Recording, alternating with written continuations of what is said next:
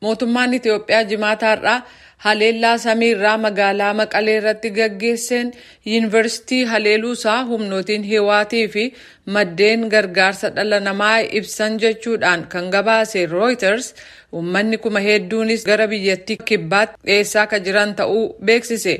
Mootummaan Itoophiyaa akka jedhutti haleellaan har'aa kun maadhee duraan kan waraanaa turee fi amma immoo hiwaat itti gargaaramaa jiru irratti qiyyaafate dubbiimaan mootummaa Itoophiyaa laggasa tulluu rooytarsiif akka hubachiisanitti yuunivarsiitiin hin rukutamne. Bulchiisa naannoo Amaaraa keessatti lafa hiwaat dhiyeenya kana to'ate gadhiisisuuf jecha wal waraansi lafa hammaatee jirutti magaalaa Maqalee irratti torban kana yeroo arfaffaaf samiirraa haleellaan gaggeeffame. Walitti bu'iinsa mootummaa Itoophiyaaf humnootii hiwaat gidduutti waggaa guutuuf jedhu kanaan lubbuu namoota kuma hedduu darbe kanneen miliyoona lama caalan godaansisee jira. Dubbi himaan hiwaat Geetaachoo Raddaa dhaabbata oduu rooytarsiif akka ibsanitti haleellaan har'aa kun mooraa yuunivarsiitii Maqalee haleele namni meeqa akka ajjeefame garuu odeeffannoo hin qabu jedhan jedheera. Maddeen hojii gargaarsa dhala namaa sadi jiraattota magaalaa Maqalee irraa odeeffannoo arganne jechuun rooytarsiif akka ibsanitti haleellaa har'a gaggeeffame yuunivarsiitii Maqalee rukutee jira. Kan TPLF'n to'atamu TV'n Tigraay akka gabaasetti jedha Reuters mooraa guddichi kan yuunivarsiitii Maqalee rukutamee siviilonni kudha tokko madaa'anii jiran jedha.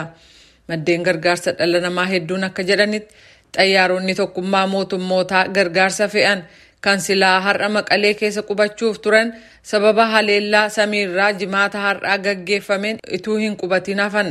Xayyaaronni sun Maqalee keessa akka qubachuuf jiran aangawoonni ni beeku turan jechuun kan Associated Pressiif ibsan dubbi himaan mootummaa Itoophiyaa laggasa tullu garuu balaliin xayyaaraa kan tokkummaa mootummootaa fi balaliin haleellaa waraanaa sa'aatii adda addaa fi kallattii garaagaraarra ture jedhan.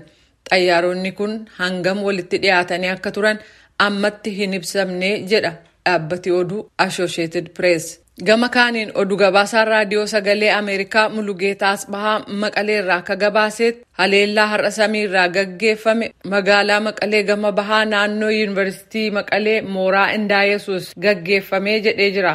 Haleellaa kanaan miidhaan namarra ga'e beekuun hin danda'amne jedheera.